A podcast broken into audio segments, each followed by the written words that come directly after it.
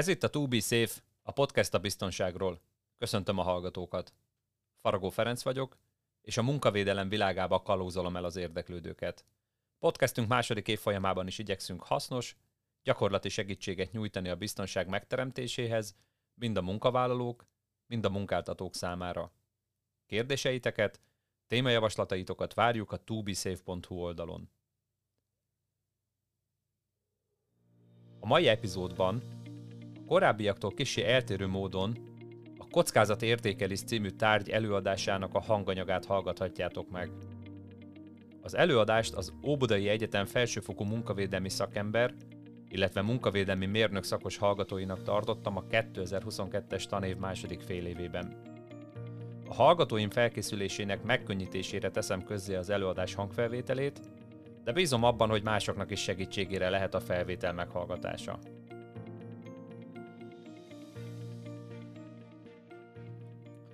Megyünk tovább. Jó. Na, visszatérve a, a kockázat értékelés elvégzésére magára, ugye azt mondtuk, hogy ez történhet többféle módon, kockázati szintek alapján, például akár így is, mondjuk azt, hogy 5 kockázati szint került kialakításra, ugye 1-es, 2-es, 3-as, 4-es, 5-ös kockázati osztály. Ebben, a, ebben az esetben az első kockázati osztályba azok a kockázatok tartoznak, amelyek hatása minimális, vagy elhanyagolható, amelyeknél intézkedések általában nem szükségesek. Második kockázati osztályba kerültek azok a kockázati hatások, amik még elfogadható kockázati kategóriába tartoznak. Ilyen esetekben a szükséges intézkedések megtétele hosszú távon elegendő lehet. Harmadik kockázati osztályba mérsékelt kategóriába tartozó kockázatok tartoznak, ahol középtávú intézkedések ö, bevezetése szükséges. A negyedik kockázati osztályba a lényeges kockázati kategóriák vagy lényeges kockázati hatások tartoznak, ahol már rövid távú intézkedések szükségesek, és az ötödik kockázati osztályba, ahol a kockázatok hatása, vagy azok a kockázatok ö, kerültek, ahol a hatás elfogadhatatlan, és azonnali intézkedések szükségesek az elhárításukhoz. Oké, okay, tehát van egy ilyen ö, megoldás, kockázati szintek alapján, tehát itt az előbb említett kockázati ö, szintek, amely esetén ugye a kockázati osztály megállapítása a sérülés valószínűsége és súlyosság alapján történik. Tehát, ha nézzük ezt a táblázatot, amit itt látnak a, a dián, van egy oszlopunk, ahol a sérülés gyakorisága szerepel, nagyon ritka, ritka, néha gyakran, és a sérülés bekövetkezésének a valószínűsége nagyon kicsi, kicsi, közepes, nagy. És a Matrix oszlopának és sorának eleme kiad nekünk valamilyen ö, betűt, tehát nagyon ritkán előforduló ö, esemény, amely nagyon kicsi hatással jár. A, de a közepes ö, bekövetkezési valószínűség és, ö, és, ö, és a sérülés gyakorisága ö, már egy D-osztályú, vagy D-osztályozást ad. Tehát itt össze tudjuk vetni, hogy milyen gyakorisággal és milyen hatással számolunk egy-egy esemény bekövetkezésének ö, ö, tekintetében. Abból kialakul valamilyen ö, tehát valamilyen betűt kiad ennek a Matrixnak a, a, a táblázat, vagy a, a, a, az adott cellája. És aztán ezt tovább víve, ezt a, ezt a betűt, megnézzük a, a baleset, vagy a károsodás mértékének a, a becslését. Tehát ugye volt itt egyszer meghatároztunk egy valamilyen betűt, azt mondjuk, hogy mondjuk egy D-t, megnézzük ezt a D-t, a gyakoriságát tekintve, D-t, nagyon kicsi hatásra számítunk, akkor itt ugye rendelődik hozzá egy szám, kicsi, maximum 3 nap munkaidő kiesés, könnyű, 4-19 nap munkaidő kiesés, közepes, 20-45 nap munkaidő kiesés, stb. stb. halálos vagy maradandó egészen odáig. Ugye ahogy növekszik a, az esemény súlyossága úgy növekszik a táblázatban található érték. Most azért azt meg tudjuk beszélni egymás közt, hogy az, hogy mi mit tekintünk, mit, mit tekintünk kicsi, könnyű, közepes, súlyos ö, eseménynek, hát ezt, ez itt csak elnevezés, tehát nem, nem feltétlenül kell, hogy egyáltalán így nevezzük el a, a táblázat oszlopait, lehet, hogy azt mondjuk csak, hogy, hogy, hogy, hogy ebbe az oszlopban max. három nap munkaidő kieséssel járó balesetek bekövetkezését veszük. Itt a 419, és nem, nem nevesítjük könnyűnek, mert nem biztos, hogy egy 19 nap táppénzzel járó baleset azért olyan könnyű. Tehát ezt itt, ez itt csak nevezéktan, ezt engedjék el. És egyébként maguk ezt a táblázatot úgy állítják össze, hogy szeretnék, tehát olyan kategóriákat alkalmaznak, ami az önök számára elfogadhatóbb, ö, súlyosságot tekintve ö,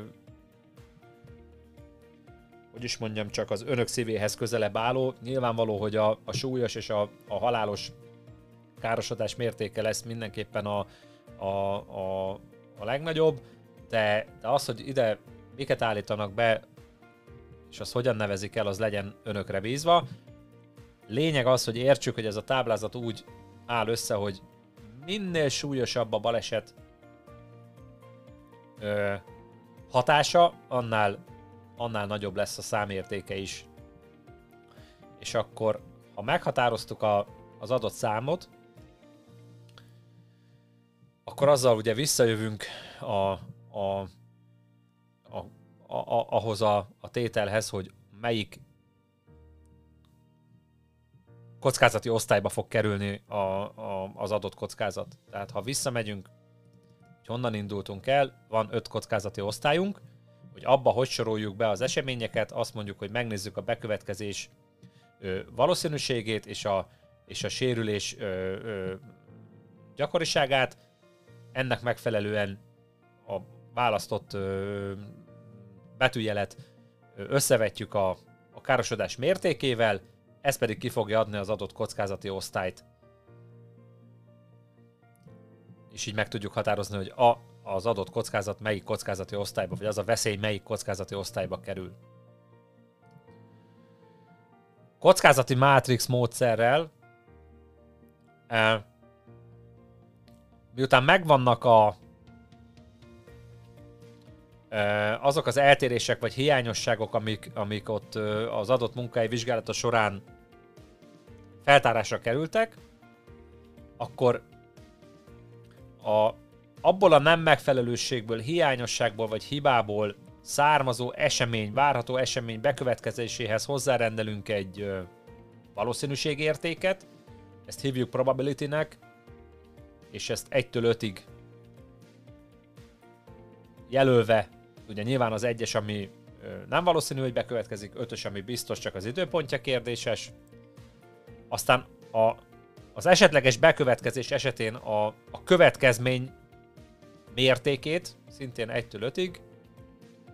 Ennek segítségével meghatározzuk a, ö, a kockázatot, és ebből a kockázati szintet. Itt a írja is a P és a, B, a, a C, tehát a, a, a valószínűség és a következmény szorzata ö, adja ki a kockázatot, és ehhez rendeljük hozzá a kockázati szintet. Hát, még egyszer, valószínűséget és a következményt összeszorozzuk, szinte ugyanott vagyunk, ahol az előző eljárásban, csak, csak itt most ezt nem táblázatos formában határoztuk meg, hanem, hanem mi a tapasztalatunk alapján döntöttük el, hogy az adott esemény valószínűsége az, az hol lesz, és a következménye mennyire lesz súlyos, ezt összeszorozva kaptunk egy értéket, és akkor ennek megfelelően van öt kockázati szintünk. Egyrészt minimális kockázat, ahol a, az R értéke 1-es, 2-es, 3-as, a kockázati szint pedig 1-es, elhanyagolható kockázat vagy kockázatmentes állapot, az intézkedés szintje feljegyzési szint, tehát nem történik intézkedés, mert nem szükséges. Elfogadható kockázat, mondjuk azt, hogy jelentéktelen, hát nem mondjuk jelentéktelennek, de így, így írja a, az eljárás, de kis sérülés, három napnál kevesebb munkaidő kieséssel jár, elenyésző gyakorisággal fordulhat elő, hosszú távú ö, intézkedési szint kapcsolódik hozzá, és így tovább. Nyilván eljutunk az elfogadhatatlan kockázat kategóriáig, ahol a kockázat ö, értéke ugye magas, és a kockázati szint is magas, súlyos vagy jelentős sérülés, és ez nagy gyakorisággal fordulhat elő, tehát a bekövetkezés valószínűsége magas, azonnali intézkedést ö, kíván. Hogy néz ki ez táblázatosan? Akár így. Ugye a gyakoriságot és a, a, a ugyanaz, mint az előző táblázatnál tulajdonképpen a gyakoriságot és a következményt rangsorolja a táblázat. Kicsit szemléletesebben látható itt. Tehát ha azt mondjuk, hogy nincs a balesetnek következménye egyáltalán eleve alacsony a, a, a valószínűsége, hogy bekövetkezik, akkor alacsony a, a, az értéke is, a kockázati értéke is. Ha valószínűtlen, hogy bekövetkezik, de súlyos, ha, ha bekövetkeznek, akkor súlyos maradandó egészségkárosodást okoznak, akkor látjuk, hogy már magasabb a kockázati érték, és a másik végponton, ha szinte elkerülhetetlen, állandóan jelenlévő kockázatról beszélünk, amely súlyos, maradandó egészségkárosodást okoz, akkor a, a kockázati szintje itt a legmagasabb. Én azt hiszem, hogy akik kockázat értékeléssel foglalkoznak, ezzel a táblázattal találkoznak a leggyakrabban, de javítsanak ki, hogyha tévedek, de szakdolgozatokban ezt a, ezt a módszert szoktam a legtöbbször látni. Tehát ahol ilyen Matrix formában az egyes kockázatokat a bekövetkezés valószínűsége és a, a, a következmény súlyossága tekintetében ö, ábrázolják vagy értékelik, és ilyen számszaki adatokból ö, kerül ki valamilyen érték ö, meghatározásra, és aztán ennek megfelelően rangsorolásra, vagy ennek megfelelően rangsorolják magát a kockázatot, a feltárt kockázatokat.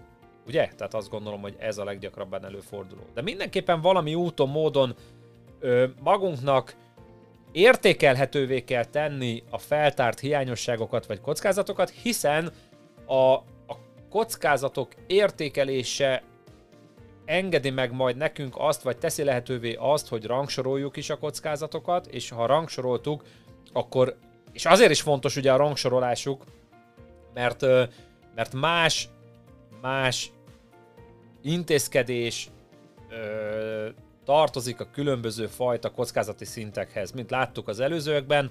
Ott, ahol a kockázat nagyon magas, elfogadhatatlan, ott azonnali intézkedésre van szükség, azt a jogszabály is előírja, igaz, hogy ebben az esetben a munkáltató köteles felfüggeszteni azt az adott tevékenységet, meg, megállítani egész addig, amíg a kockázat el nem hárult, tehát itt azonnali intézkedésre van szükség, valamilyen azonnali beavatkozásra, még mondjuk egy alacsony, vagy akár egy közepes kategóriái kategóriájú kockázat esetében ö, legyen mondjuk ez a, a, a, ö, a akármilyen barna színnel jelölt, itt akár hosszú távú intézkedés, vagy mondhatjuk azt, hogy ez már az a egyén értékelés kérdése adott munkahelyen, adott táblázat mellett, hogy melyik az a kockázati szint, ahol egyáltalán nem szükséges beavatkozni, mert elfogadható szint szintnek érezzük, vagy gondoljuk, vagy ítéljük azokat a kockázatokat, amik a táblázatnak abban a, ö, azokban a celláiban szerepelnek. Tehát azért lényeges, hogy valahol számszerűsítsük ezeket a kockázatokat, mert ezek segítenek bennünket abban, hogy értékeljük és rangsoroljuk őket azért, hogy a megfelelő időtartamú intézkedéseket, vagy időtávú, bocsánat, intézkedéseket tudjuk javasolni a, a, a munkáltató számára. Jó.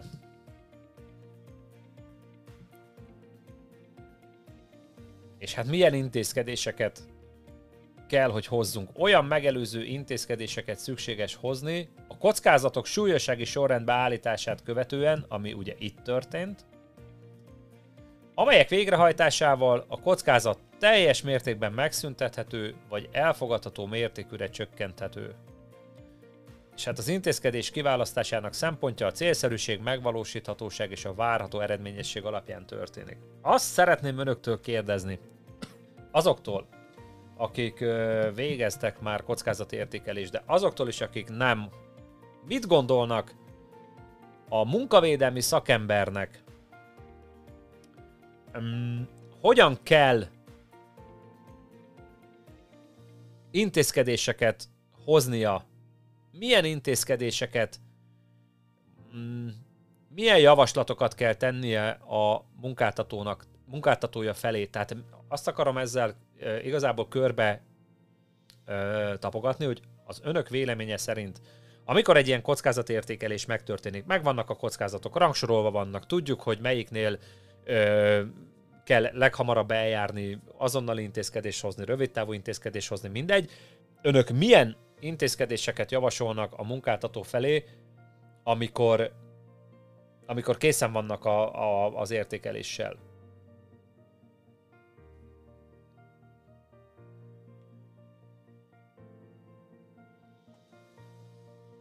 Arra szeretnék igazából rávilágítani, hogy a az a fajta kockázat értékelés, ami azzal zárul, hogy megállapítottam a kockázatot,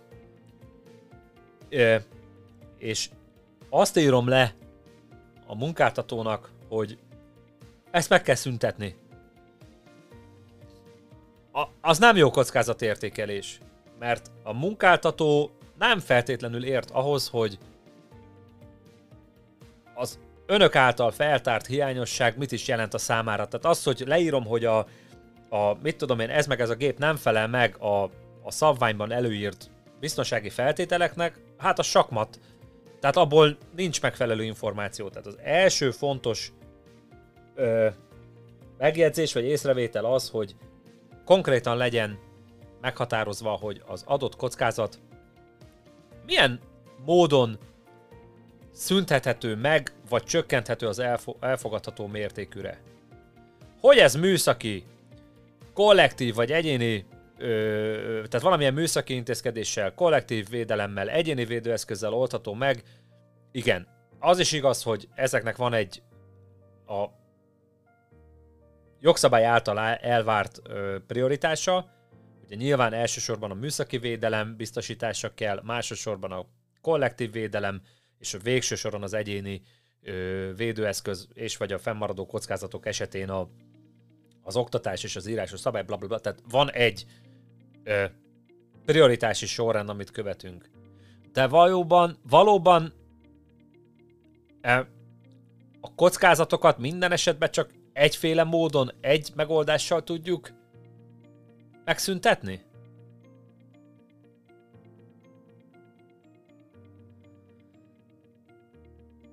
Lássuk a válaszokat, mik jöttek.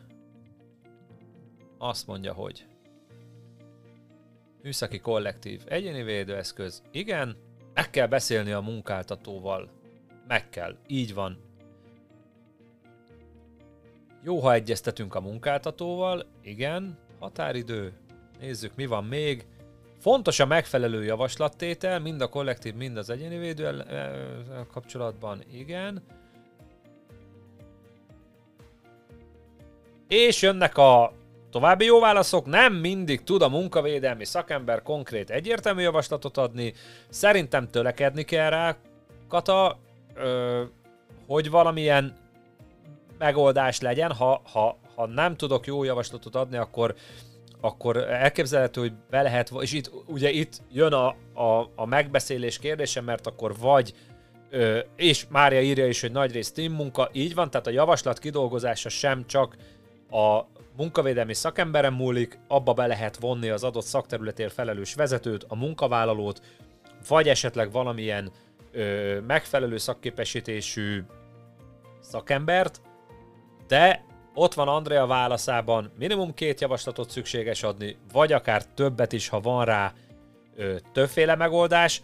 Nem a munkavédelmi szakember felelőssége az, erre szerettem volna kiukadni. Én úgy gondolom, hogy nem a munkavédelmi szakember felelőssége az, hogy milyen megoldással lesz az adott kockázat csökkentve, vagy megszüntetve, hiszen azt, hogy egy bizonyos ö, kockázatot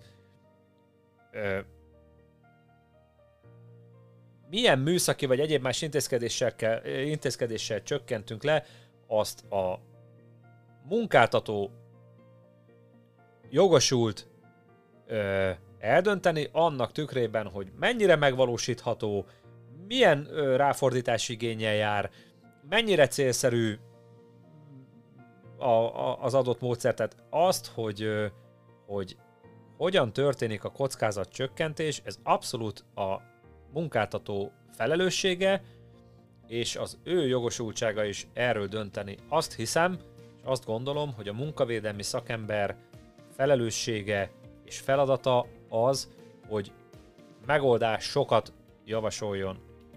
Tehát ne hagyja nyitva a problémát, legyen rá megoldási javaslat ö, a, munkavál, a munkáltató felé, legyen megoldási javaslat, de nem tisztünk eldönteni azt, hogy melyik megoldás, vagy milyen megoldással lesz a, a kockázat kezelve vagy csökkentve. Az a munkáltató abszolút felelőssége és döntési joga. Oké? Okay? Javaslatot tenni, javaslatokat tenni, igen, és majd a, munka, a munkáltató választ a javaslatokból.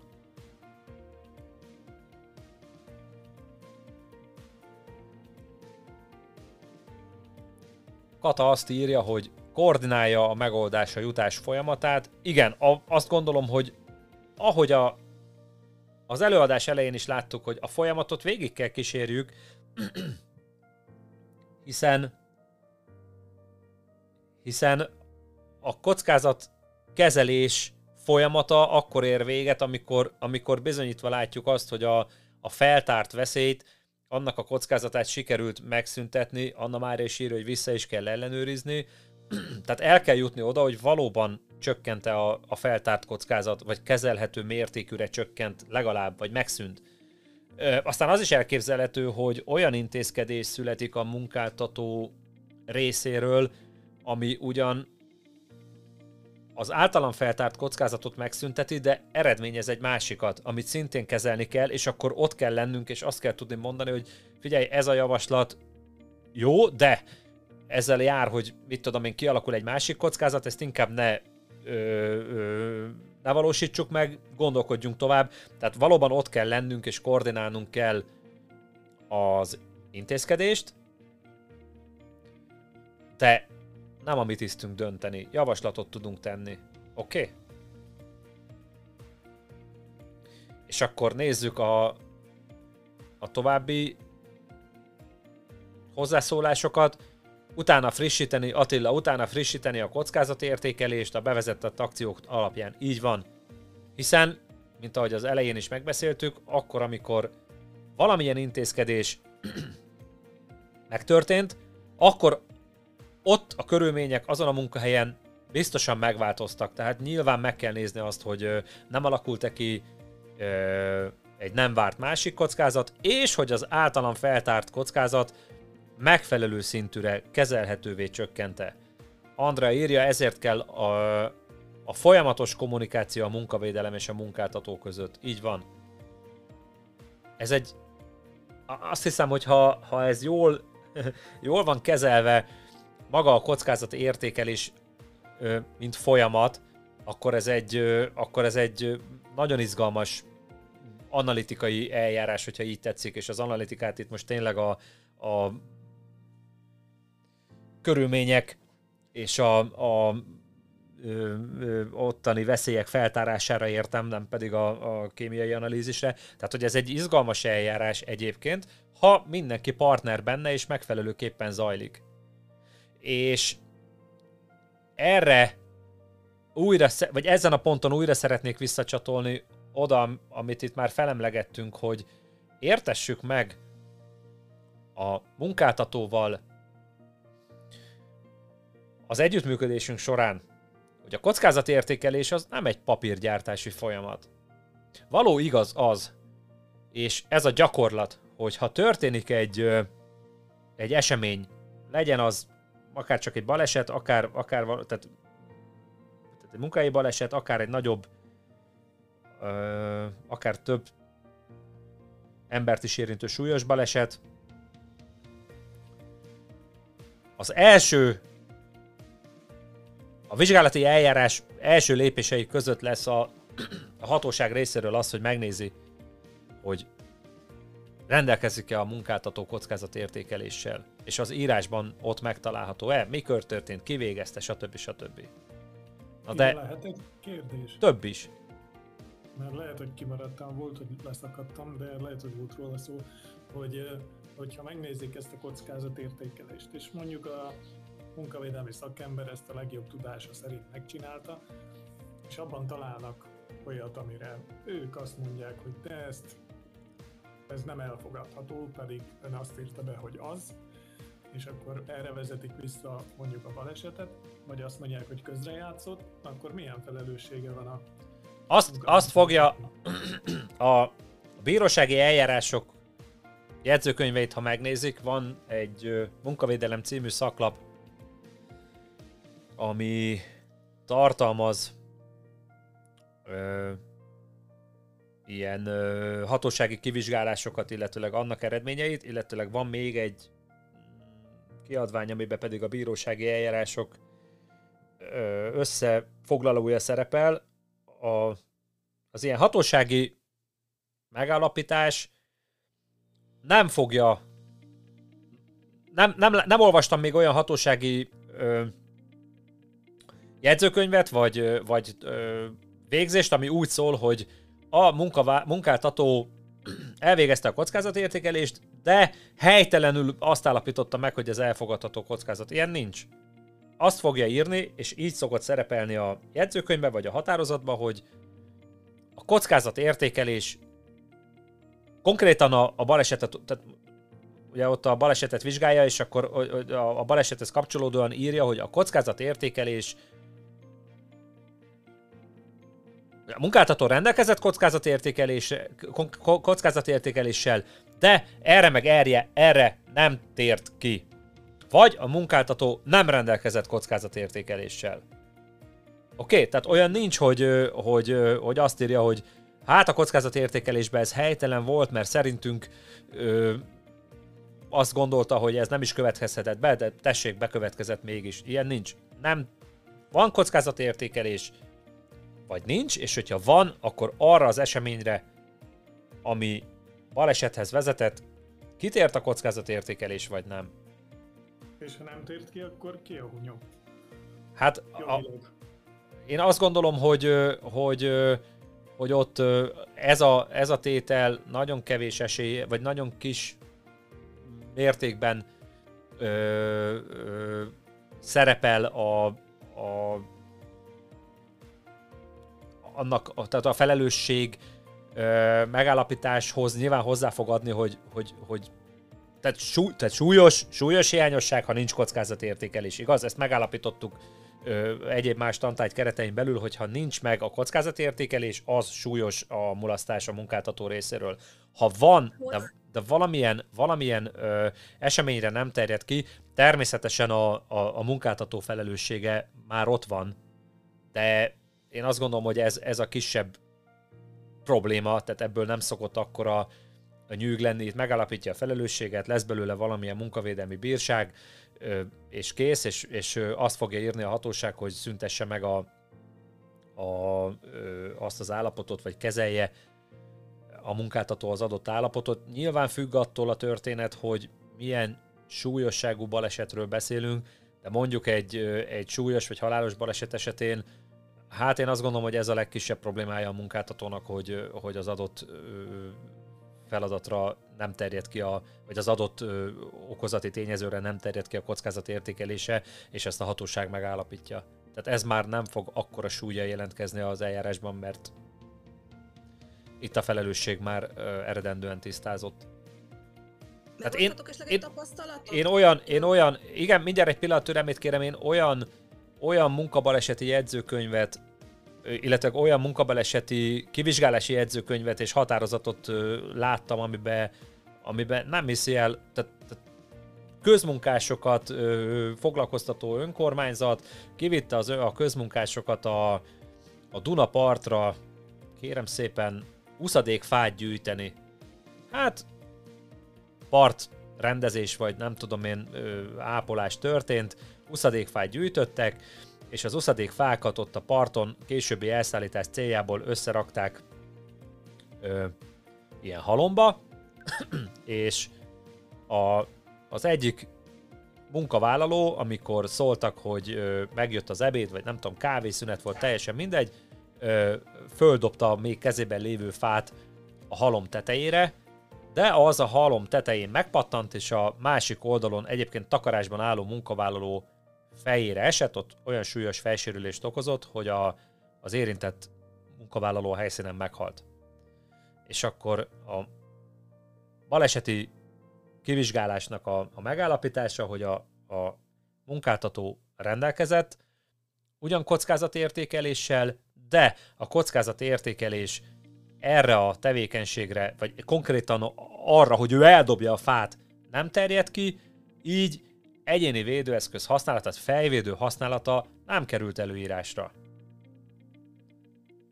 Tegyük már szívünket, a, vagy a kezünket a szívünkre, melyik őjüknek jutna eszébe úszadékfa gyűjtéshez ö, fejvédőt előírni.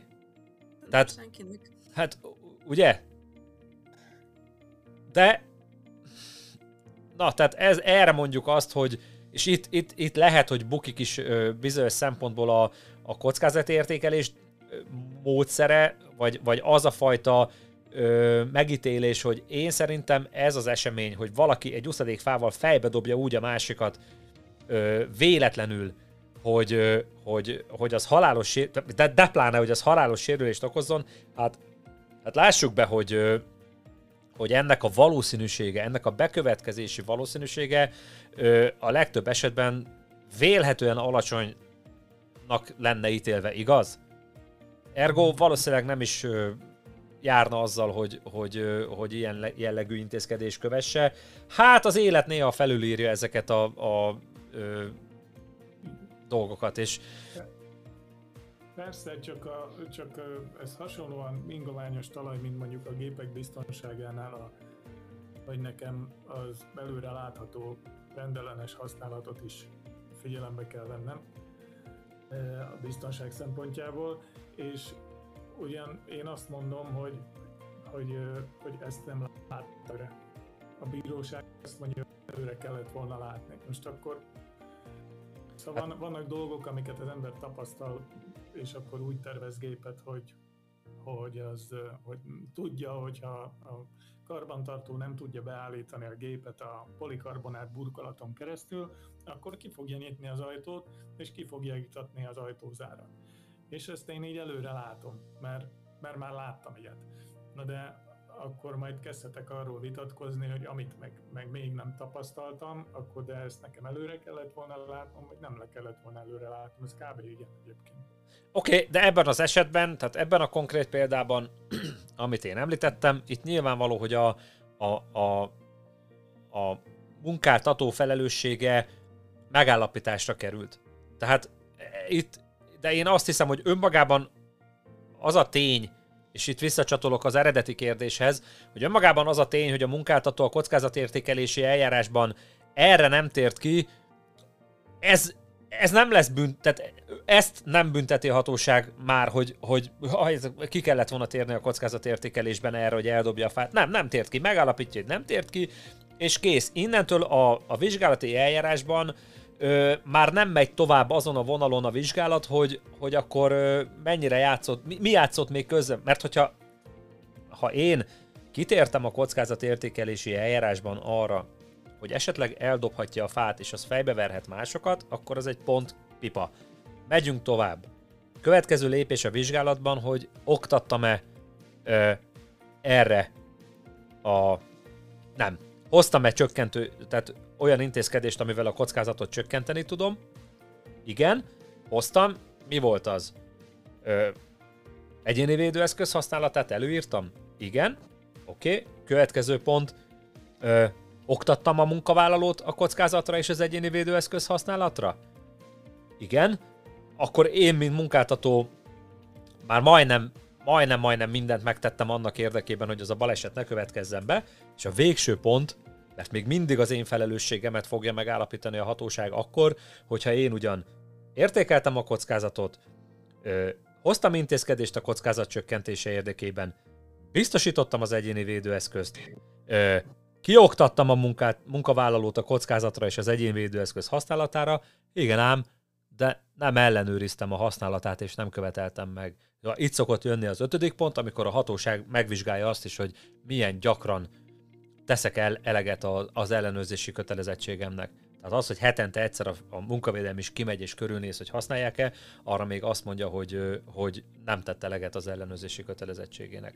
De ha minden megvan, kockázatot értékeltem, kiterjedt az adott eseményre, hoztam intézkedést, biztosítottam az egyéni védőeszközt, kioktattam és ellenőriztem is, és ennek ellenére előfordult, akkor ott már, ott már nagyon nagy a valószínűsége annak, hogy a munkavállaló hibázott, mert valamit nem tartott be. Oké? Okay? Úgyhogy azt mondom, hogy benne van a kockázatérték. Jó, csak csűrjük, csavarjuk itt. itt Igen, azt hiszem. Értem én, értem én, miről van szó.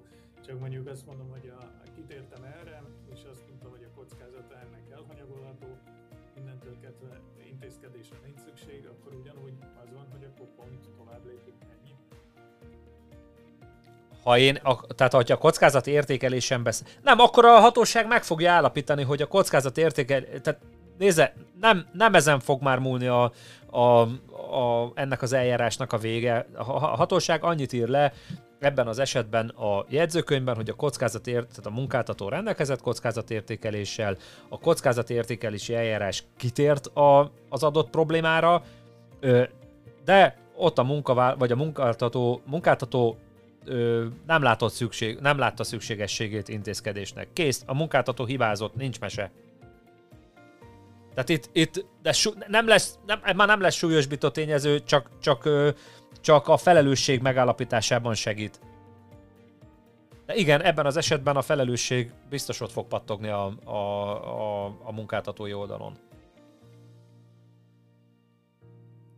Köszönöm.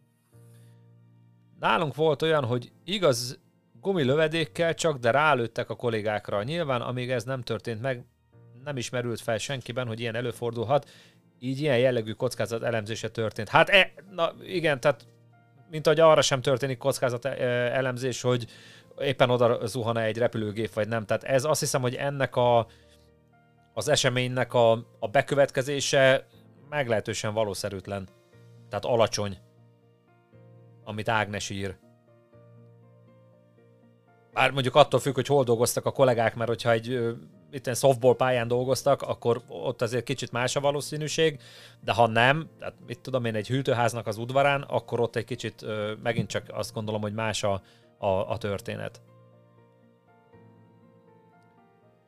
Parkoló ellenőr. Hát, na ott viszont azt gondolom, hogy egy parkoló ellenőr esetében az, hogy, hogy ő ellen tetleg felléphetnek esetleg, azért az egy, az egy ö, olyan kockázat, ami, ami felmerülhet. Tehát ott viszont lehet, hogy na így, így ebben a gumilövedékes esetben azért én azt gondolom, hogy ez egy reális kockázat. Tehát az, hogy a parkoló ellenőröket éri ö, incidens a, a, a szolgáltatást igénybevevők részéről, azt el tudom hinni, és, és az viszont egy, a, egy jogos kockázat, amivel foglalkozni kell. Sőt, én azt gondolom, hogy arra oktatnám is a, a parkoló ellenőröket, hogy erre készüljenek, és hogyan tudják ö, nem erővel nyilván, hanem megfelelő módon ö, kivédeni ezeket a, a, a zaklatásokat vagy támadásokat. Mondjuk azért ott uh, egy ilyen helyzetben én legalábbis azt gondolom, hogy a, hogy a fegyverhasználatnak is megvannak a rendszabályai, ugye a gumilövődékes, hát az is fegyver, mondjuk, annak is megvannak a szabályai, amit ennek az őrnek tudnia kell, magától is. Tehát, hogy ki van erre oktatva, hát fegyvert se használ akárki. Hát ö, én azt gondolom, hogy egy parkoló őrnek nincs fegyvere, és ö, valószínűleg nem is számít arra, hogy egy, ö, hogy egy átlag autós, mit tudom én, fegyverrel a zsebében közlekedik, és, és őt meg fogja támadni. Úgyhogy itt én csak azt mondom, hogy egy parkoló őr viszonylag gyakran kerül konfliktusba a parkolási szolgáltatást igénybe vevő autósokkal, tehát ennek megfelelően fel kell legyen készítve arra, hogy őt esetleg valami fajta ö, erőszakos fellépés érheti, és az ellen tudjon védekezni. Tehát legalább annyi, hogy számítson rá, hogy, hogy zakla, zaklathatják, és ezt tudjuk, hogy, hogy előfordul. Nyilván az, hogy ő gumilövedékkel meglövik, annak az esélye megint csak kicsi, és nyilván nem elmarasztalható, vagy nem gondolom azt a munkavédelmi szakembert eredendően elmarasztalhatónak, hogyha ha ez nem szerepel a, a kockázatértékelésben, de miután ez megtörtént, valószínűsítem, de majd Ágnes megerősít ebben bennünket, hogy ezt követően bekerült a kockázatértékelésbe ez a probléma is. Erre mondtam az elején azt, hogy mindenre, tehát nincs az a munkavédelmi szerintem, akinek olyan fantáziája lenne, hogy, hogy minden egyes ilyen eseményre eleve gondolni tudjon. Ahhoz nagyon-nagyon sok évet kell a szakmába eltölteni, hogy, hogy lássuk azt, hogy micsoda balesetek tudnak történni, és, és milyen, hogy mondjam, általunk alacsonynak, alacsony kockázatúnak, vagy a bekövetkezés valószínűségét tekintve nagyon-nagyon valószerűtlen események is milyen könnyedén be tudnak következni.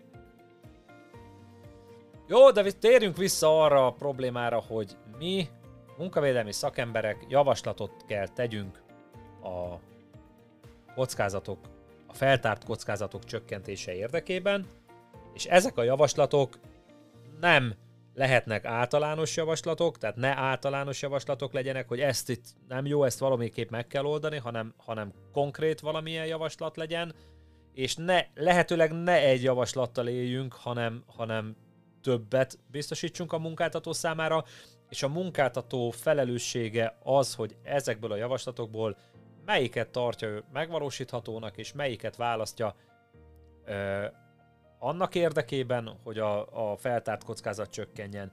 Ha a munkáltató helyesen jár el, akkor ebben az esetben természetesen, ahogy itt megbeszéltük az üzenőfalon, természetesen bevonja a ö, munkavállalók képviselőjét is, hiszen ez megint csak kötelezettsége, ö, megtanácskozza a Attila nem feltétlenül az olcsóbbat fogja, de ha, de ha azt teszi, ö, azt gondolom, hogy, hogy az is egy valamilyen kockázat értékelésnek az eredménye lesz.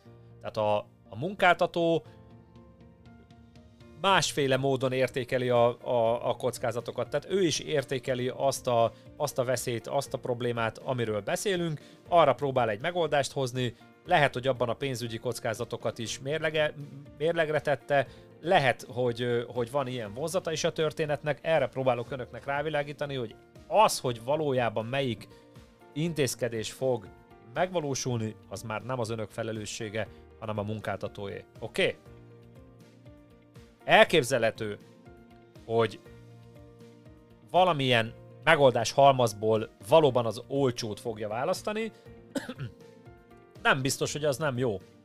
Nem tudom, ha önök, ha önök több javaslatot tesznek, tegyenek úgy, hogy mindegyik javaslat érje el a célt. Tehát csökkentse elfogadható mértékűre a kockázatot, és akkor válaszol abban a munkáltató. Oké, okay, akkor a célt tulajdonképpen elértük. És a, a, a feltárt kockázatok kezelve vannak, megfelelő módon, csak nem önök döntik el azt, hogy melyik megoldás lesz a célra vezető. Még egyszer mondom, hogy az intézmény rendszere, ha emlékeznek jogból, akkor a, a, a munkavédelmi jogi szabályozásnak a keretrendszere elvárja azt, hogy legyen a, munká, a munkáltató vonja be a munkavállalót a, az ilyen irányú, vagy az ilyen témájú tanácskozásokba, megbeszélésekbe, tehát kötelező a munkavállalókkal való megbeszélést lefolytatni, tehát szerencsés esetben, és ez megint csak lehet az önök felelőssége is egy adott munkahelyen, szerencsés esetben önök képesek lesznek arra, hogy megértessék a munkáltatóval, hogy ezekben a kérdésekben egyeztetnie kell a, a munkavállalóival, és meg kell beszélni, hogy, hogy na akkor mit itt egy adott probléma, szeretnénk megoldani, ezek a megoldási lehetőségek vannak, nézzük meg, hogy melyik lesz a célra vezetőbb, és, és természetesen ö, még itt is előfordulhat az, hogy, ö, hogy a, a munkavállalók javaslatától eltérően valamelyik másik ö, megoldást java, ö, választja végül a, a munkáltató, de, de még egyszer mondom, szerencsés esetben ez a tanácskozás megtörténik önökkel, és a munkavállalókkal, az érintett munkavállalókkal, majd ennek eredményeképpen születik valamilyen döntés, az a döntési jog a, és a felelősség a munkáltatóé, nem a munkavédelmi szakemberé. Oké? Okay? Jó. Erről most sokat beszéltünk, de talán nem volt haszontalan. és Attila, Szabó Attila ö, bejegyzésére vagy, ö, vagy mondatára itt van a, a, a segítség hogy a kockázatok megelőzése, csökkentése a munkavédelmi törvényben meghatározott elvekben, összhangban kell vagy kellene történjen, tehát ha van észszerű megoldás, akkor a kockázatot teljesen ki kell zárni, el kell kerülni, ez az alapelv, ugye? Van egy ilyen ö, az alapelvek között, hogy a, a kockázatot a, a, ott a keletkezés helyén kell megszüntetni, vagy, le, ö, vagy leküzdeni, ha észszerű módon nem lehet elkerülni a kockázatot, akkor a kockázati tényezőt kevésbé kockázatossal kell helyettesíteni. Erre mondjuk azt, hogy ö, elfogadható mértékűre kell csökkenteni a kockázatot. A keletkezés helyén, ha van maradó kockázat, még egyszer a kockázat kezelés módszertana elismeri azt, hogy, hogy nem lehet teljes mértékben megszüntetni minden esetben a kockázatokat, tehát ha van fennmaradó kockázat, akkor annak a hatókörét a lehető legkisebbre kell csökkenteni. Fontos, és beszéltünk róla, hogy a bevezetett intézkedés ne hozzon be új, nem vizsgált vagy ismeretlen kockázatot. Oké? Okay? Ha lehetséges, ha mégis behozna, akkor természetesen a bevezetést követő kockázati értékelésben erre ki kell térni, de célszerű lenne ezt előtte úgy ö, kialakítani a, a, a javaslatcsomagunkat, hogy lehetőleg új kockázatot ne hozzunk be, ö, vagy ha, ha hozunk is, akkor az alacsonyabb legyen, mint, a, ö, mint az a kockázat, amit egyébként kezelni kívánunk. A kollektív műszaki védelem előnye a, ö, az egyéni védelemmel szemben, Szervezési intézkedés csak kiegészítő jellegű lehet, ahol lehet és észszerű és gazdaságosot alkalmazni kell a műszaki fejlődés eredményeit. Nyilvánvalóan fontos az is, hogy az intézkedés a munkavállalók részéről ne ütközzön ellenállásba. Ne kelljen állandó felügyeletet biztosítani a feladathoz, és hát ha lehet, akkor olyan intézkedés történjen, amely korábban már bizonyított, tehát már eredményesnek bizonyult uh, valahol akár az önök praxisában, akár ott az adott munkáltatónál. Az időbeli hatályról már beszélgettünk a feltárt kockázatok súlyosságának a tükrében, lehet azonnali, ha közvetlen veszélyeztetés áll fent, rövid, illetve középtávú, hogyha a fennálló kockázat ö, megszüntetéséhez vagy kezeléséhez nem szükségeltetik azonnali intézkedés, tehát úgy ítélik önök a kockázatértékelési eljárás során, hogy az a kockázat nem olyan mértékű, ami azonnali beavatkozást igényel.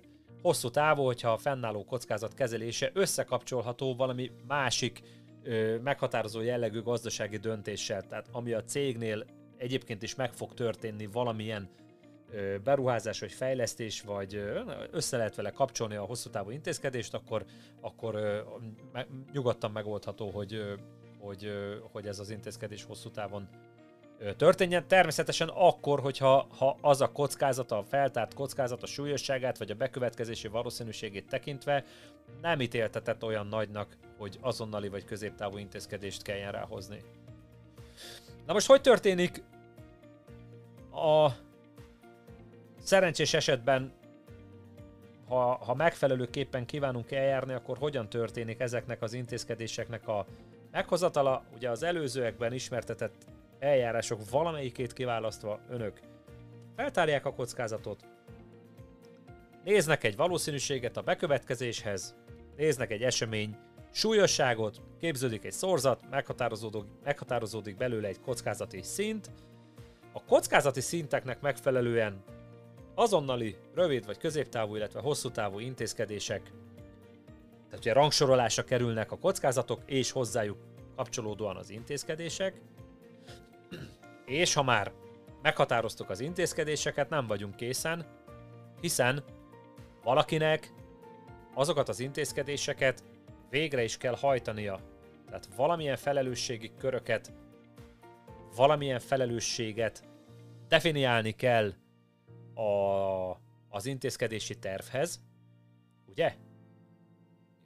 Auditorok, jelenlévő auditorok, és most nem akarok Katára mutogatni, de nagyon szeretik ezt, és igazuk van teljes mértékben, mert azzal, hogy én feltártam a kockázatokat, azzal, hogy én tettem javaslatot a kockázatok csökkentésére, ezek még nem fognak megtörténni, mert senki nem fog róla tudni.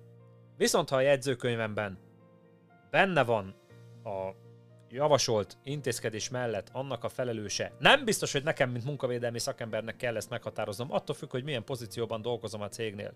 Ha én egy külsős munkavédelmi is vagyok, hát nem gyanítom azt, hogy nekem kell a felelősöket hozzárendelnem az adott feladathoz. Ha én mit tudom én, egy munkavédelmi koordinátor vagyok, még mindig nem biztos, hogy én leszek az a szakember, akinek a felelősöket kell definiálni. Más a helyzet akkor, hogyha egy munkavédelmi igazgatóról van szó, aki a menedzsmenten belül tud ilyen jellegű döntéseket hozni és hozzá tudja csatolni, de én azt hiszem, hogy, hogy bármelyik pozíciót is töltöm be ö, a bármilyen ö, rendszerben is dolgozom egy adott cégnél, le tudok ülni a cég felelős vezetőjével, és át tudjuk nézni, hogy az adott feladathoz milyen határidő és milyen felelősségi kör állapítható meg, tehát mit javasol nekem a cégnek a felelős vezetője, kit írjunk be oda felelősnek, írja be ő, vagy írjam be én, teljesen mindegy, mondja meg, ki lesz annak a feladatnak a felelőse, kitűzzük hozzá a határidőt, és ha mindez megvan, akkor ez ugye ott szerepel nekem a, ö, a, a jegyzőkönyvembe, tehát van kockázati sorrendem, van hozzá intézkedési tervem, az intézkedéshez van hozzárendelt felelős és határidő. És akkor ezt lehet tovább görgetni a megvalósítás felé. Katalin írja, hogy a dokumentumkezelési, dokumentumkezelési szempontból szerintem egy kockázati értékelési jegyzőkönyv nem alkalmas az intézkedések nyomon követésére. Nem tudom, a, a, akár egyet is értetek, egyébként, egyébként én nem, bár Andrea már egyetért, hiszen attól függ, hogy az a jegyzőkönyv, a kockázati értékelési jegyzőkönyv hogyan került kialakításra. Tehát a, ha abban van nyomonkövetésre lehetőséget biztosító nem tudom, ö, ö, oszlop, vagy akármi, akkor, akkor azokat a, a, ö, az intézkedéseket, amik ott javaslatként megjelentek, azoknak az intézkedéseknek akár a bevezetését, akár a, a, az ismételt vizsgálatát simán be lehet jegyezni a, a jegyzőkönyvbe.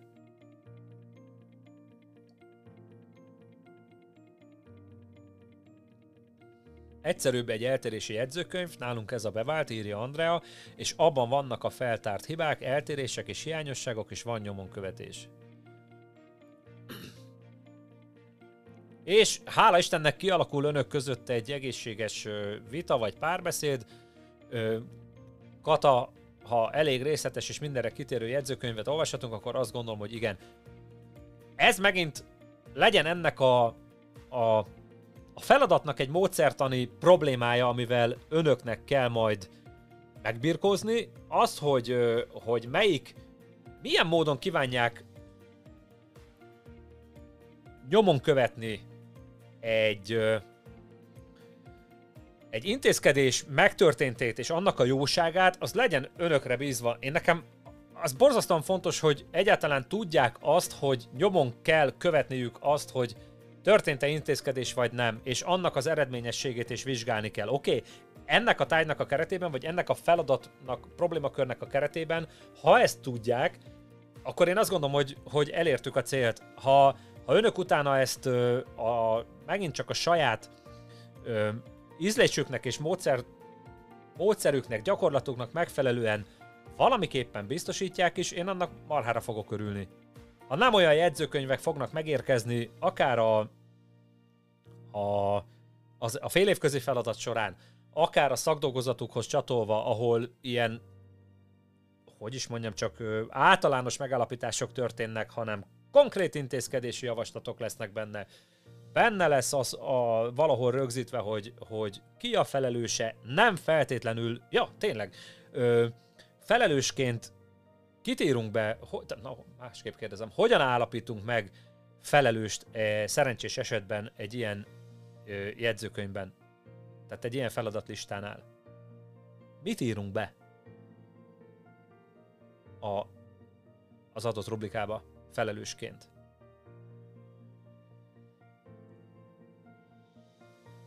Hú, sokan gépelnek, az jó. Reméljük jönnek mindjárt a válaszok. Andrea azt mondja, attól függ. Nálunk van, ahol a cégvezető, és ő osztja le, de van, ahol egyből tudom, hogy egy adott műszakvezető a felelős. És ebben az esetben mit ír be Andrea a jegyzőkönyvbe? Mit ír be a feladatlistába?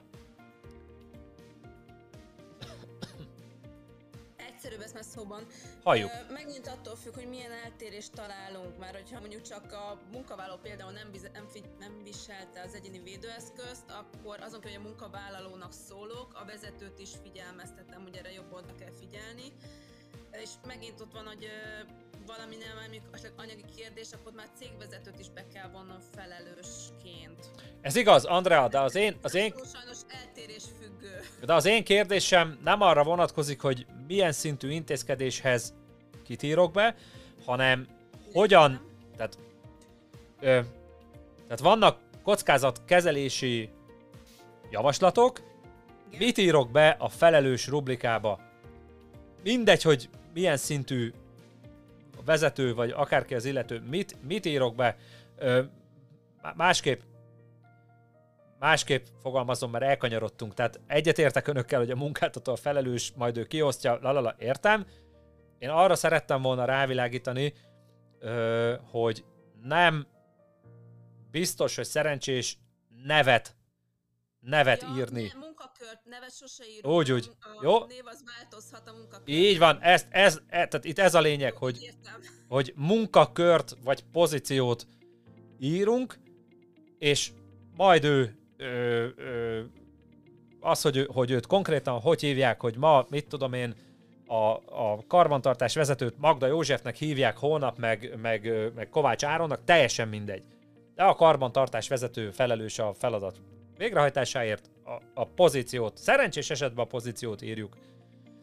Hello, elnézést hallotok? Igen, Mária. Sziasztok! Én csak annyit szeretnék hozzáfűzni, hogy nyilván mindig azt a szemét kell megneveznünk felelősnek, aki az intézkedést meg tudja tenni mert hát az is nagyon fontos, hogy amit mi feltárunk hiányosságot, ugye azt mi lejegyzőkönyvezzük. Arra a jegyzőkönyvre a munkáltatónak, vagy épp a felelős személynek egy intézkedést kell tenni, mivel hogy mi ezt leírtuk és megállapított tényként feltártuk. Ez így van, ebbe, ebbe teljesen igaza van Mária, amiről mi itt most beszélünk, vagy amit én szerettem volna javasolni, hogy ne a nevét írjuk a ö, az, hát a listán. a személyiségi jogokra nyilván. Nem, nem a személyiségi jogai miatt, mert attól még ott lehet a neve a személyiség, tehát a, azzal nem, nem ö, sértünk személyiségi hát jogot, a nevét. Úgy értem a személyiségi jogot, hogy legyen hozzá jogköre, legyen hozzá kompetenciája arra, hogy ő intézkedést tudjon tenni a megállapított hiányosság. Oké, okay, akkor összefoglalva megfelelő kompetenciájú szemét, van, vagy de, de nem a nevével, hanem ha lehet, akkor a pozícióval, vagy a munkakörével. Oké? Okay? De, de tud, bocsánat, de nekem tudnom kell, hogy ő neki meg van-e hozzá a kompetenciája adott esetben? Nem feltétlenül, ezt, ezt mondtam az elején, hogy nem feltétlenül tudja Ö, A Miklós, pozíciónak sem de azt, tudom, hogy Ez megvan-e. idővel szerintem kialakul, hogy kicsit, tudjuk-e de vagy sem. bocsánat, hogyha kint vagyunk egy helyszíni szemlén, nevezzük szemlének, ne ellenőrzésnek. Ha kint vagyunk egy helyszíni szemlén, hogy kezdjük a jegyzőkönyvet? A jelenlévő személyek neve, munkaköre.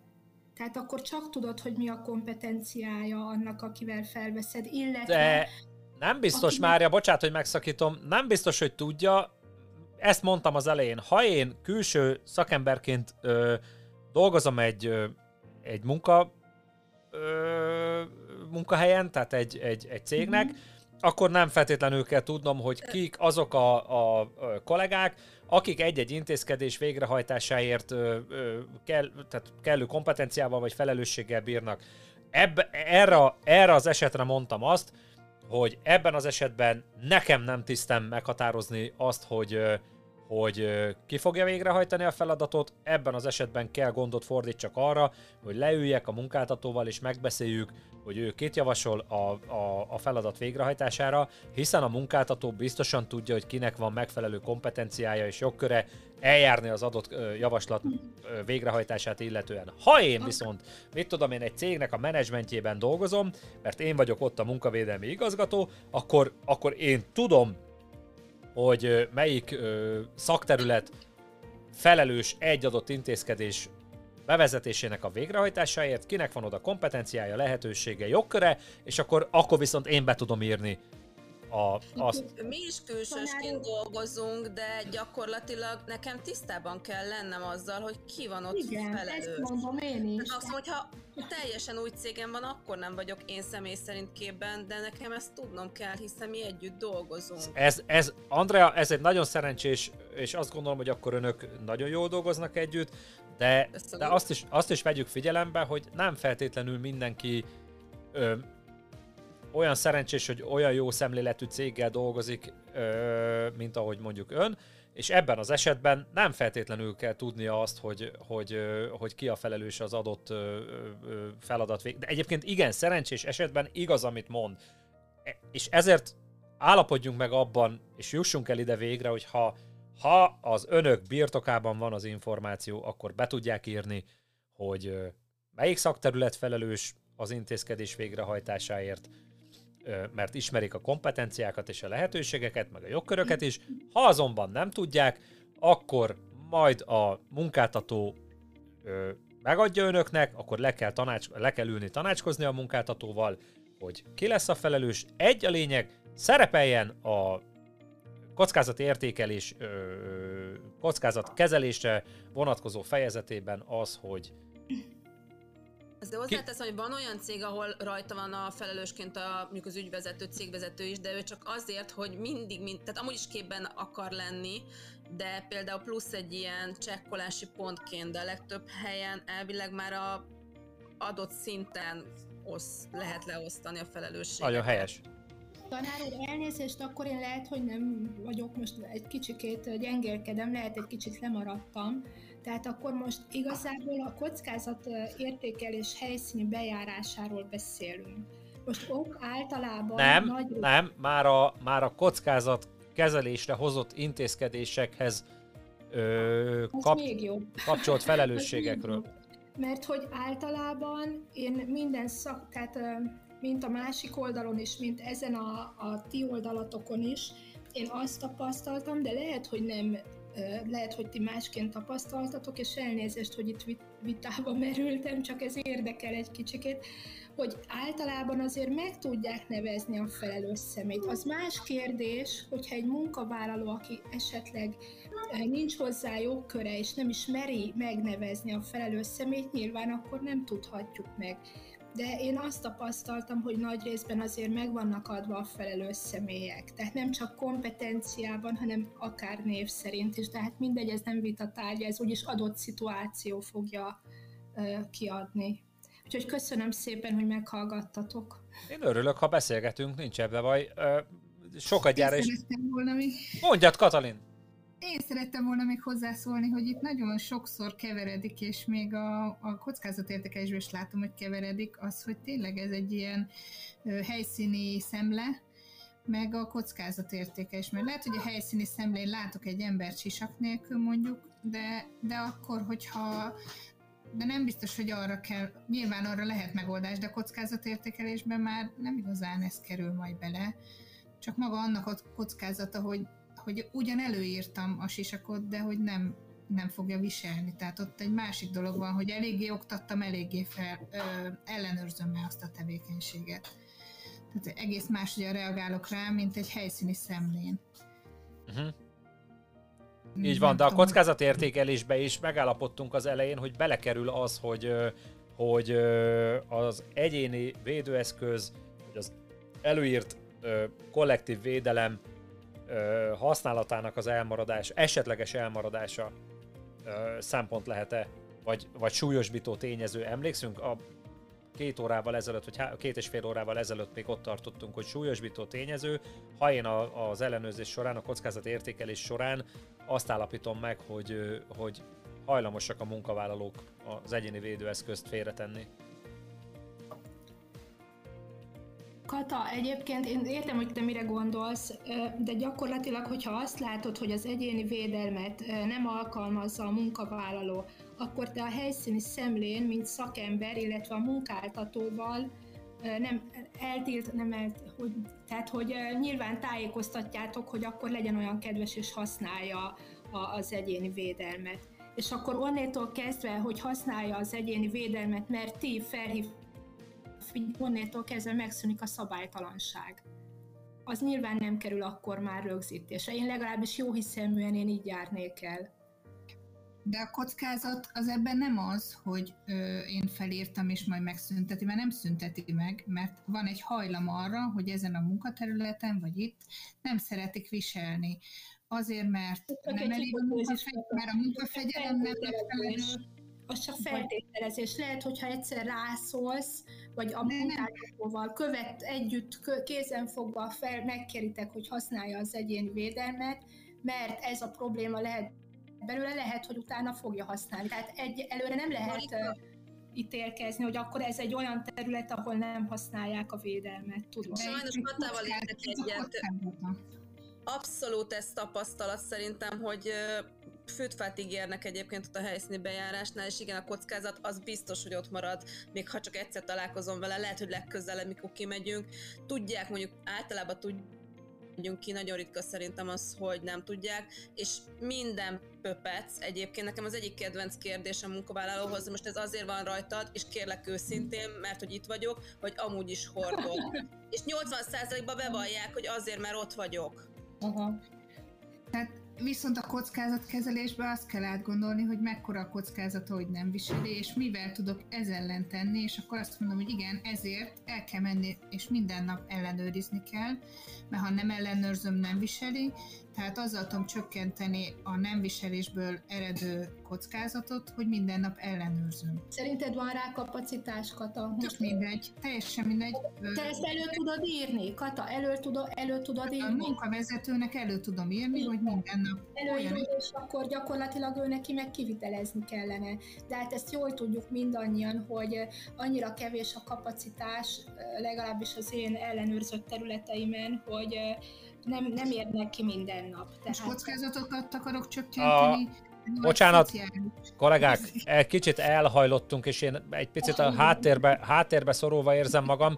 A, nem baj, mert a beszélgetés jó, de ha, ha vitatkoznunk kell, azt, azt, azt tegyük meg majd a normál, normál időnk, normál játékidő után, és nagyon szívesen veszem, hogyha beszélgetünk erről. Egyébként vissza kell tehát én, én értem Katának a gondolatmenetét, Kata kockáz, tehát igen, e, itt ebben a tekintetben a módszertanában elválik a kockázat értékelés, és az a tény, hogy a munkáltatónak az ellenőrzési kötelezettségét végre kell hajtania. Egyik esetben arról beszélgetünk, hogy végrehajtjuk ezt az ellenőrzési kötelezettséget, és figyelmeztetjük a, a, a munkavállalót, a másik esetben viszont valóban arról beszélgetünk, hogy kockázatot értékelünk, és a kockázat értékelési eljárásba a, a, a eljárás során a jegyzőkönyvben mit rögzítünk, mi, mi az, ami, ami, ami bekerül, nyilván nem az a tény, hogy nincs egyéni védőeszköz, viselés, hanem az, hogy mivel jár, milyen eredménye lehet annak, illetőleg nyilván az, hogy azt is megnézzük az eljárás során, hogy mi az az ok, ami miatt a munkavállaló nem viseli az egyéni védőeszközt, mert annak lehet Ö, akinél csipog a telefon, azt kérem, hogy halkítsa le, mert nagyon-nagyon be- behallatszik a, az előadásba.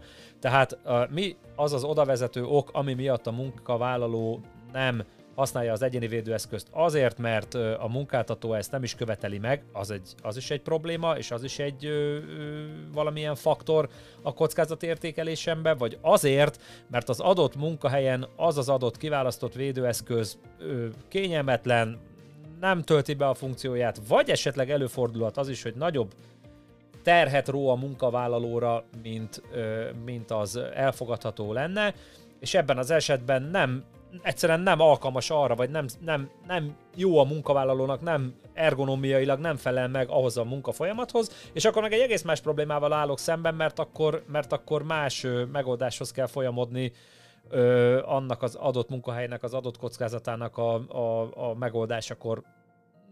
Nem gondolnám rossznak ezt a vitát, beszéljünk erről még a, a, a normál játékidőn kívül, hogyha gondolják, én itt maradok, itt leszek, úgyhogy tudnak róla, vagy tudunk róla ö, beszélni.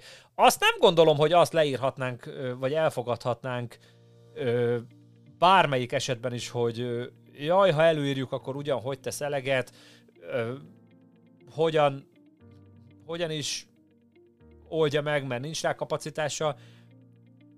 Nem, nem hiszem, hogy, ez, hogy ezzel be tudnánk, én legalábbis nem gondolom, hogy ezzel be tudjuk védeni akár a munkáltatót, akár saját magunkat, nem is ez a cél, de pláne nem kockázatot nem fogunk tudni vele csökkenteni, tehát azt gondolom, hogy egy adott munkahelynek mindig van valamilyen vezetője jelen a munkavégzés során, nem feltétlenül a tulajdonos vagy, a, vagy az ügyvezető igazgató, de valamilyen helyi vezető van a munkavégzésnél, a felelősséget le lehet osztani és a, az ellenőrzési kötelezettséget is le lehet osztani a megfelelő szintre, ennek megfelelően működtetni lehet a, a, a követelményeket és a, azok teljesülésének az ellenőrzését. Na, akkor tovább megyünk, jó? Ö, ott tartottunk, és innen indítottuk a vitát, hogy a javasolt intézkedéseket, a határidőket, a felelősségeket írásban rögzítjük a kockázatértékelési jegyzőkönyvben. Többször megállapítottuk, hogy a bevezetett intézkedések végrehajtását ellenőrizni kell, azok eredményességéről meg kell győződni és értékelni kell. Tehát ez válasz volt a, az előadás elején feltett kérdésre ismét, ahol már nem is emlékszem, hogy kitől jött a kérdés, de majd mindjárt megtudjuk. Ö, visszanézem, lehet, hogy nem.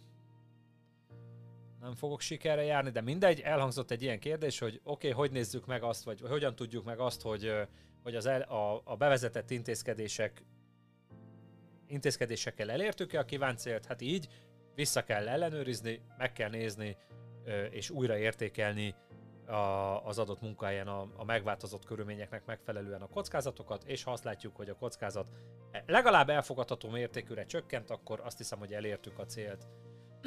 ha valami nem lett végrehajtva, természetesen ö, a, az, annak az okait is lehet jegyzőkönyvezni, ez már felvethet akár ö, hogy is mondjam, eljárás technikai kérdéseket is, hogyha esetleg bekövetkezik valamilyen baleset, akkor azért legyen igazolva az, hogy miért nem. De én azt gondolom, hogy sokkal fontosabb az, hogy, hogy legyen rá egy, egy valamilyen magyarázatú szolgáló információnk, hogy egy bizonyos javaslatot ugyan be akartunk vezetni, de mégse vezettük be. Ne az legyen csak, hogy bár nem csináltuk meg, hogy ez nem történt meg, hanem, hanem nézzük meg, hogy miért. Mert megpróbáltuk, de nem vezetett célra, megpróbáltuk, de az nagyon költséges volt, megpróbáltuk, megnéztük, de másik ö, kockázatot generált volna, hogyha, hogyha azt végrehajtjuk, vagy nem fért be az, a, az a, a, a műszaki védelem oda, nem lehetett megvalósítani, vagy azért, mert a cég azt tervezi, hogy mit tudom, két hét múlva amúgy is átalakítja azt a, a, a munkaeszközt, vagy sort, vagy akármit, ami, aminek a kockázatát éppen értékeltük, legyen valamilyen információnk arra vonatkozóan, hogy valamely intézkedés, valamely javasolt intézkedés miért nem történt meg, hiszen ez is hasznos számunkra a későbbiekben, hogy, hogy kezelni tudjuk. Azt, ráadásul lehet, hogy mit tudom én, két hónap múlva már nem is emlékszünk, hogy az adott munkahelyen tett javaslatainkra ö, történt-e intézkedés, vagy, vagy egyáltalán valaki rámozdult-e. Így viszont, ha le van jegyzetelve, följegyeztük az okait is, akkor pontosan tudni fogjuk, hogy mi történt a, az adott munkahely kockázat kezelése során. Oké. Okay.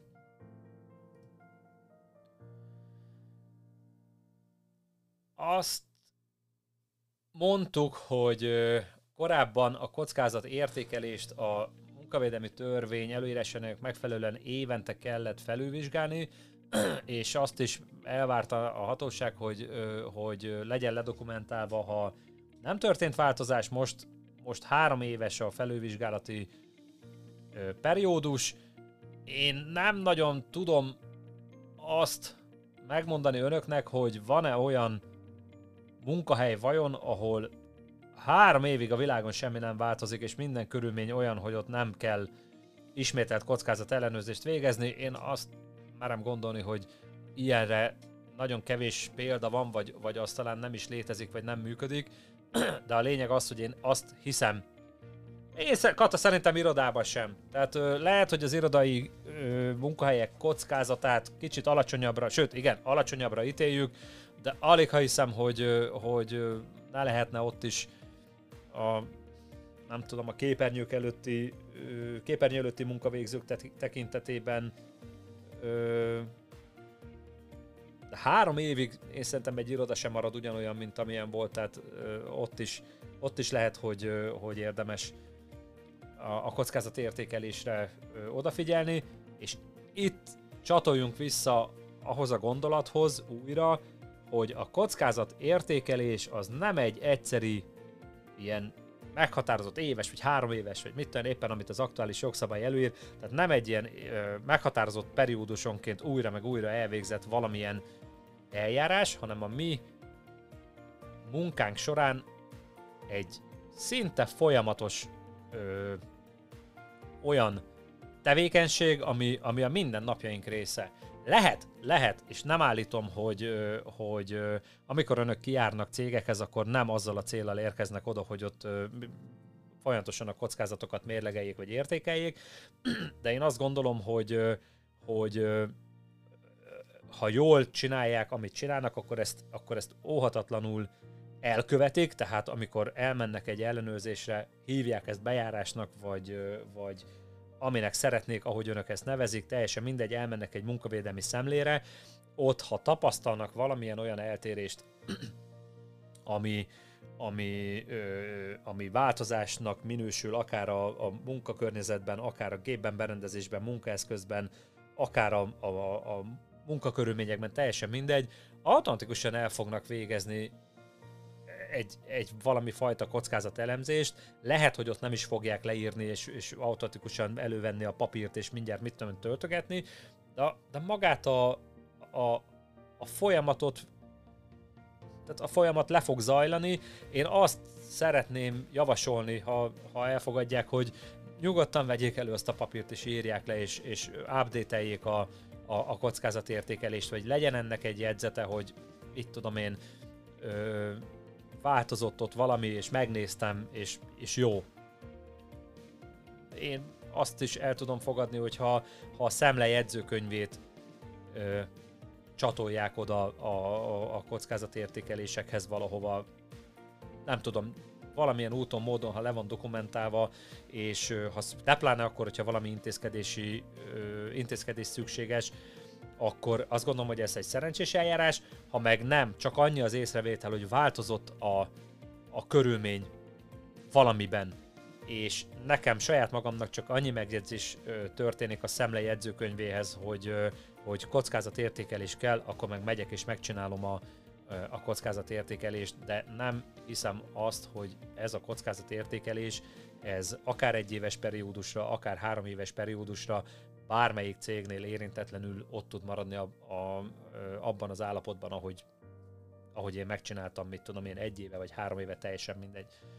Tehát azt gondolom, vagy merem gondolni, hogy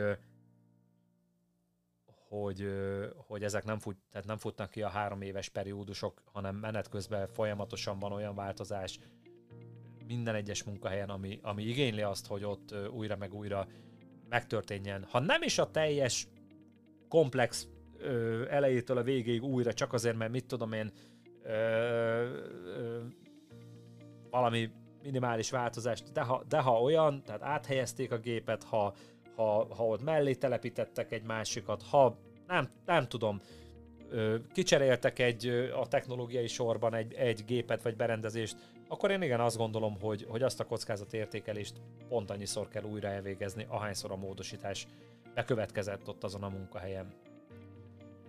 Úgyhogy én számomra abszolút nincs jelentősége, hogy milyen periódust ír elő a jogszabály az ismételt kockázatértékelés elvégzésre, vagy a kockázatértékelés ismételt elvégzésére, hiszen változás esetén el kell végezni újra a kockázatértékelést.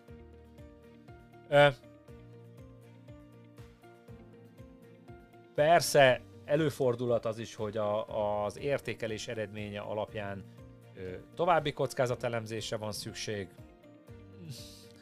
Én, én azt hiszem, hogy egyetlen egy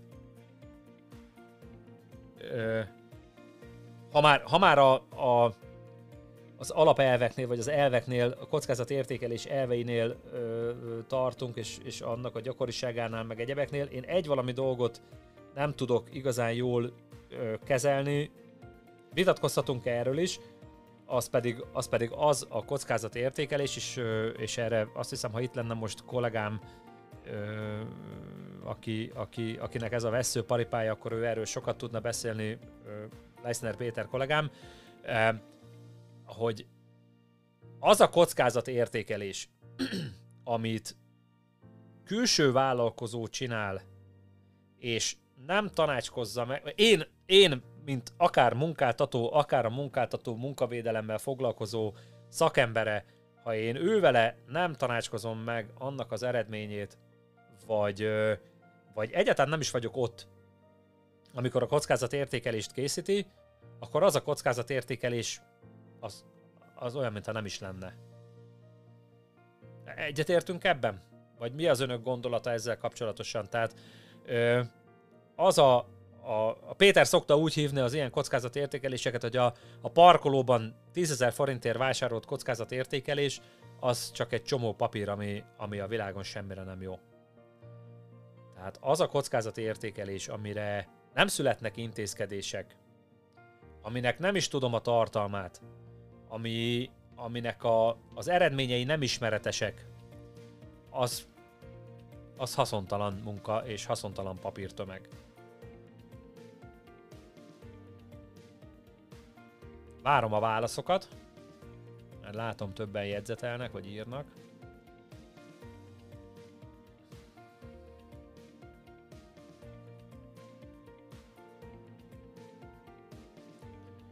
Én azt hiszem, Csabá, Csabai bejegyzésére válaszolva, sok munkáltatót nem érdekel, csak meglegyen. Van, akinek úgy kell könyörögni, hogy beszéljük meg.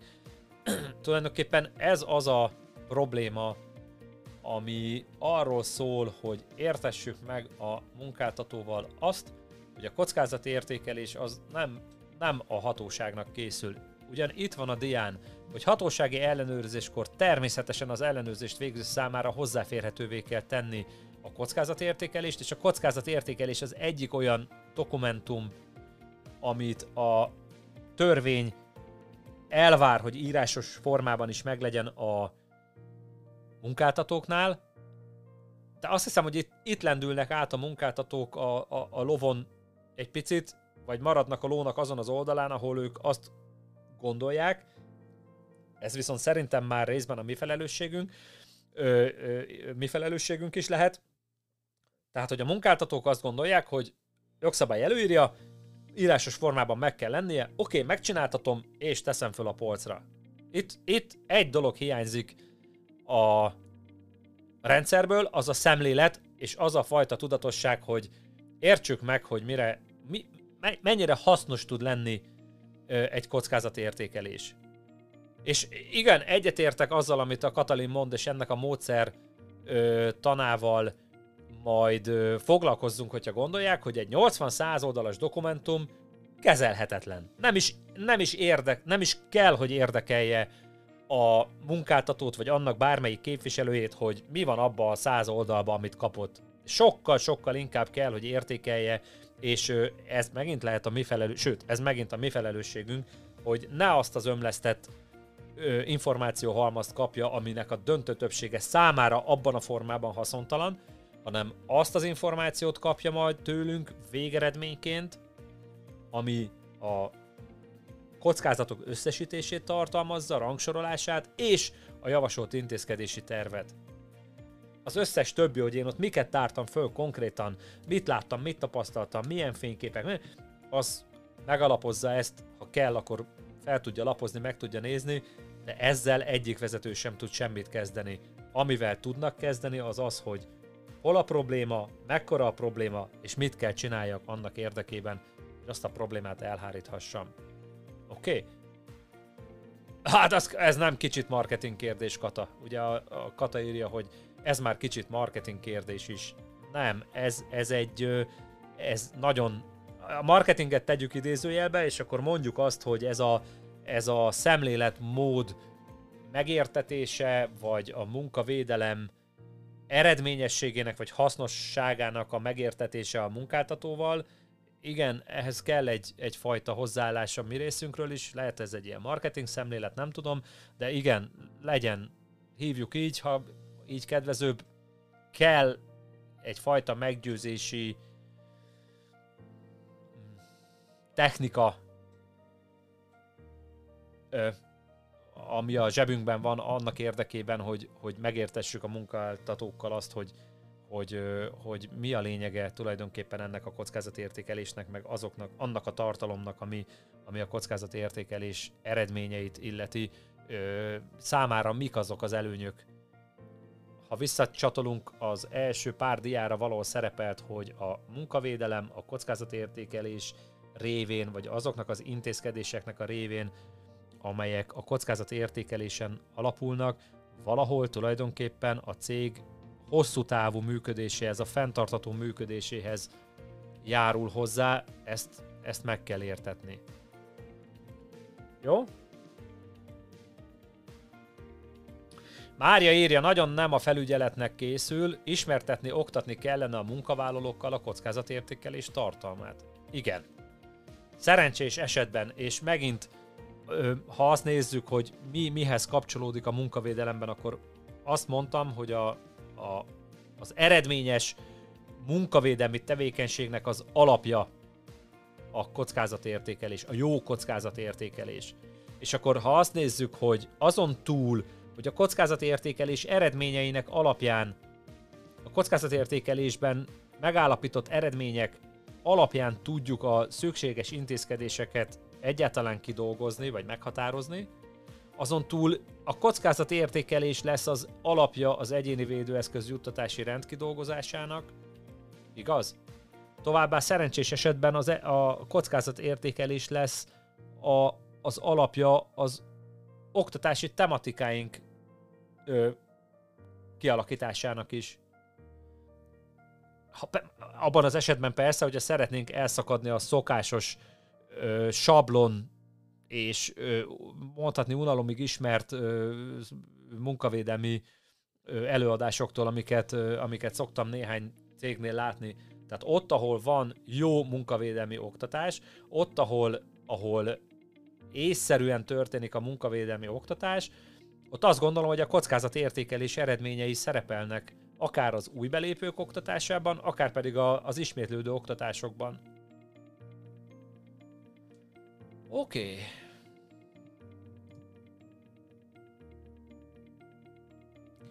Ez, azt hiszem, hogy azt, hogy miket kell tartalmazni a, a kockázati értékelésnek, azt már megbeszéltük, nem térünk ki rá újból.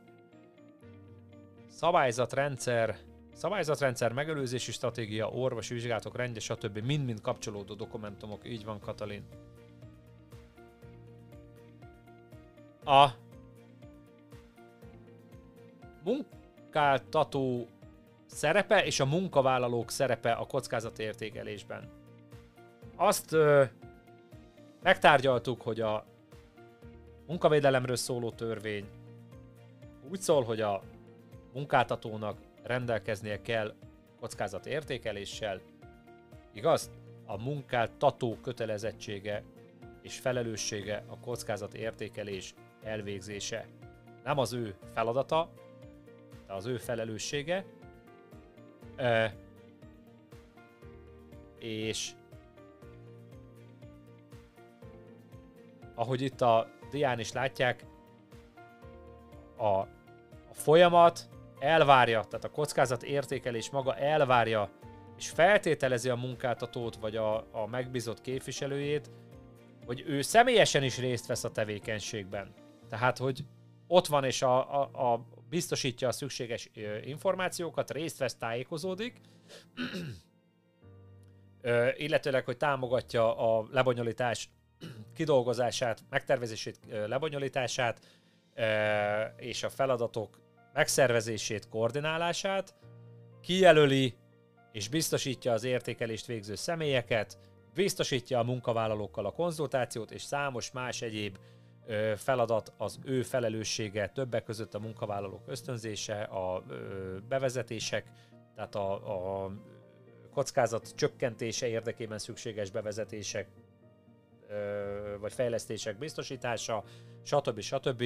A munkáltató részvétele szükségszerű, és ez az, ami valahol mondhatjuk, hogy a, a talán a marketing része, hogy mi azt mondjuk, hogy persze elvárjuk, hogy a munkáltató részt vegyen, nekünk valahol szerepünk van abban munkavédelmi szakembereknek, hogy megértessük a munkáltatóval az ő szerepének a fontosságát.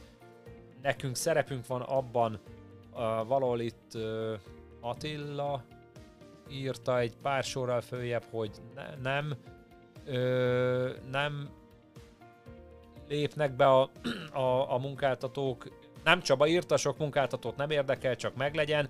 Nem, az érdeke kell, hogy legyen, hogy, hogy, hogy ő részt vegyen és, és szerepet vállaljon a kockázatértékelés lebonyolításában, és az eredményeinek a, a, a feldolgozásában, illetőleg ott a döntéshozatalban, ahol, a, ahol ott megkívánja maga a folyamat, tehát a, az intézkedési terv végrehajtásánál, illetőleg a, az eredmény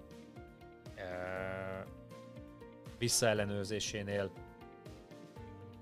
szerepet vállaljon mindenképpen. Ezt nyilván bizonyos munkáltatóknál már könnyen el lehet érni, általában azt lehet mondani, talán tapasztalat azt mondja, hogy a nagyvállalat, azok, azon nagyvállalatok esetében, főleg ahol külföldi tulajdonnal rendelkeznek, tehát az anyavállalat külföldi, és ezt a munkavédelmi szemléletet vagy kultúrát már hozzák magukkal, talán könnyebb dolgunk van, ott, ahol, ahol ez még annyira nem, ö, nem alakult ki, ott pedig én azt hiszem, hogy felelősségünk van abban, hogy, hogy ezt a szemléletet megfelelő módon elültessük, és, és valahogy népszerűsítsük a munkavállaló, munkáltatók körében. Hát nem mindig egyszerű, azt be kell látni, tehát meg kell találni azt a hangot, vagy azt a csatornát, ahol, ahol jó húrokat lehet pengetni a, a, a, a munkáltatók felé.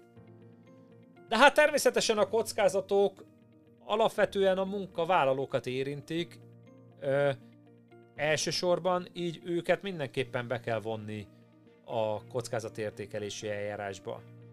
Erről szól az a módszertan, ami, ami úgy, úgy szólt, hogy, hogy, hogy adatgyűjtés, brainstorming, tanácskozás, vagy ne Isten riportkészítés, tehát ott a helyszínen mi munkavédelmi szakemberek nem biztos, hogy eredményesek, na, én nem, inkább így mondom, nem biztos, hogy hatékonyak tudunk lenni a kockázatértékelés elvégzésében egyedül, hiszen nem látjuk a munkafolyamatot, Tehát abban megegyeztünk a párbeszédünkben, vagy a párbeszédünk során még a, a, a nap elején, hogy, hogy sok végig kell kísérni a munkafolyamatot, ott kell állni, meg kell figyelni, de azt hiszem, hogy nagyon sok információt kaphatunk abból,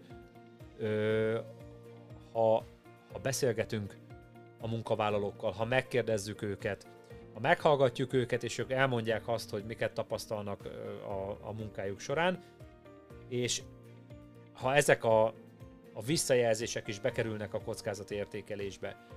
Persze lehetne azt mondani, hogy a munkavédelmi képviselők szerepe fontos a kockázati értékelési eljárásban, illetőleg az adatgyűjtési folyamatban. A gyakorlatban én még nem érzem annyira hatékonynak vagy, vagy elégségesnek a munkavédelmi képviselők munkáját. Nem minden esetben, de a legtöbb esetben, hogy, hogy, hogy ők valóban és tisztelet a kivételnek, ezt most itt hangsúlyozom, de a legtöbb esetben nem biztos, hogy, hogy, hogy annyira eredményes az ő szerepük sajnos ebben a feladatban. Inkább érzem egy picit névlegesnek a, a jelenlétüket, vagy a, a létét a, a munkavédelmi képviselőnek. Én azt hiszem, hogy ott is még nagyon-nagyon sok szem, vagy nagyon nagy mértékű szemléletváltásnak és, és valami fajta Hát talán a jelenleginél, el, jelenleginél erősebb, vagy ettől eltérő oktatásnak kellene történnie, hogy a, hogy a munkavédelmi képviselő valóban ö, azzá váljon, amivé a törvény vagy a jogszabály szeretné, hogy váljanak. De való igaz, így ahogy Andrea írja, és erről beszélünk, hogy egyrészt nem feltétlenül ismerik az összes folyamatot, és és sokszor a kényszeresség is rajta van, hogy azért vállalják, mert kell, hogy legyen valaki munkavédelmi képviselő, és akkor valaki elvállalja és elviszi. De ha van rá mód, és lehetőség, és, és részt kíván venni a feladatban, akkor természetesen célszerű a munkavédelmi képviselőt is bevonni a vizsgálati eljárásba. Aztán az értékelést végzők sem feltétlenül kell, hogy kizárólag a munkavédelmi szakember legyen. Legyenek ott, vagy lehetnek ott maguk a munkavállalók is, ha megfelelő képzettséggel rendelkeznek, vagy azok a munkáltató által kijelölt valamilyen megbízott munkavállalók, akik egy-egy adott területnek esetleg a, a szakértői, tehát lehet itt csak a karbantartás vezető, a létesítmény üzemeltetési vezető, vagy, vagy ne Isten a, a, a gépész szakemberek, tehát lehetnek olyan szakképesítések, olyan munkavállalók, akik valamilyen speciális ismerettel rendelkeznek, vagy esetleg a külső szolgáltatók szakemberei is részt vehetnek az értékelési eljárásban. Ö, és még így a, a mai nap végére itt ennél a pontnál meg kell azt is említeni, hogy mi most itt végig munkavédelmi szakemberekről beszéltünk, illetve én követem el azt a hibát most, hogy önöknek végig munkavédelmi ö, szakemberek munkájáról beszéltem a kockázat értékelés tekintetében, hiszen ez egy munkavédelmi szakember képzés, de, de ne kövessük el ezt a hibát a gyakorlatban, hiszen a kockázat értékelés nem pusztán a munkavédelmi szakember jogosultsága és feladatköre, hanem ugye foglalkozás egészségügyi szaktevékenység is. És akkor itt jön még egy olyan probléma, amit valamiképpen orvosolnunk kell, és én majd arra szeretném kérni önöket is, hogy a gyakorlatukban fektessenek erre hangsúlyt, hogy ne a munkavédelem végezze egyedül a kockázatértékelést, mert az odáig fél siker. Az nem elfogadható kockázatértékelés, ami úgy kerül kiállításra, hogy a munkavédelmi szakember, vagy az a csapat, aki a kockázat értékelést végezte, elkészít egy jegyzőkönyvet, leírja a megállapításait, megteszi a, a, a, az intézkedésre vonatkozó javaslatait, és van egy aláírási joga a, a dokumentumon valahol van egy kis helye a foglalkozás egészségügyi szakorvosnak, ahol ő aláírja ezt a kockázatértékelést, de megállapításai nincsenek. Rosszabb, sokkal rosszabb az a kockázatértékelés, ahol, ahol úgy van a foglalkozás egészségügyi szakorvos számára egy ilyen előre gyártott nyilatkozat, hogy a kockázat értékelésben foglaltakkal egyetértek doktor, és akkor aláírja. Ebből lehet tudni, hogy a foglalkozás egészségügyi szakorvosa közelében nem volt a munkahelynek, nem csak a kockázatértékelés alatt, hanem valószínűleg előtte sem. Tehát a másik feladatunk az lehetne, vagy lenne, hogy megpróbáljuk a, a foglalkozás egészségügyi szakorvost bevonni valamilyen úton, módon ebbe a kockázatértékelési eljárásba, mert ahol be tudjuk vonni, tapasztalat, nagyon-nagyon sok és hasznos észrevétele és javaslata van a, a szakorvosnak. Valamiképpen dolgozzunk velük együtt. Lehet elképzelhető, hogy nem tudunk egy időpontban ott lenni a kockázatértékelési eljárásban, vagy a kockázatértékelésnél. Persze célszerű, mert akkor ott a helyszínen már meg tudjuk vitatni az észrevételeinket, de legyen ott, vegyen részt. Szabos, nem tudom, hogy hogy lehet elérni, hát nyilván embere válogatja, meg ö, nagy mértékben függ attól is, hogy a, az adott vállalat milyen szerződést és milyen ö, szolgálattal kötött szerződést van szerencsére egyre több esetben, ahol már, ahol már úgy kötnek szerződést, hogy nem csak a az orvosi alkalmassági vizsgálatok ellátására kötik a szerződést, hanem, hanem, hanem bővebb szolgáltatást vesz igénybe a cég, mert már tudja, érti a ebben rejlő lehetőségeket fel tudta mérni.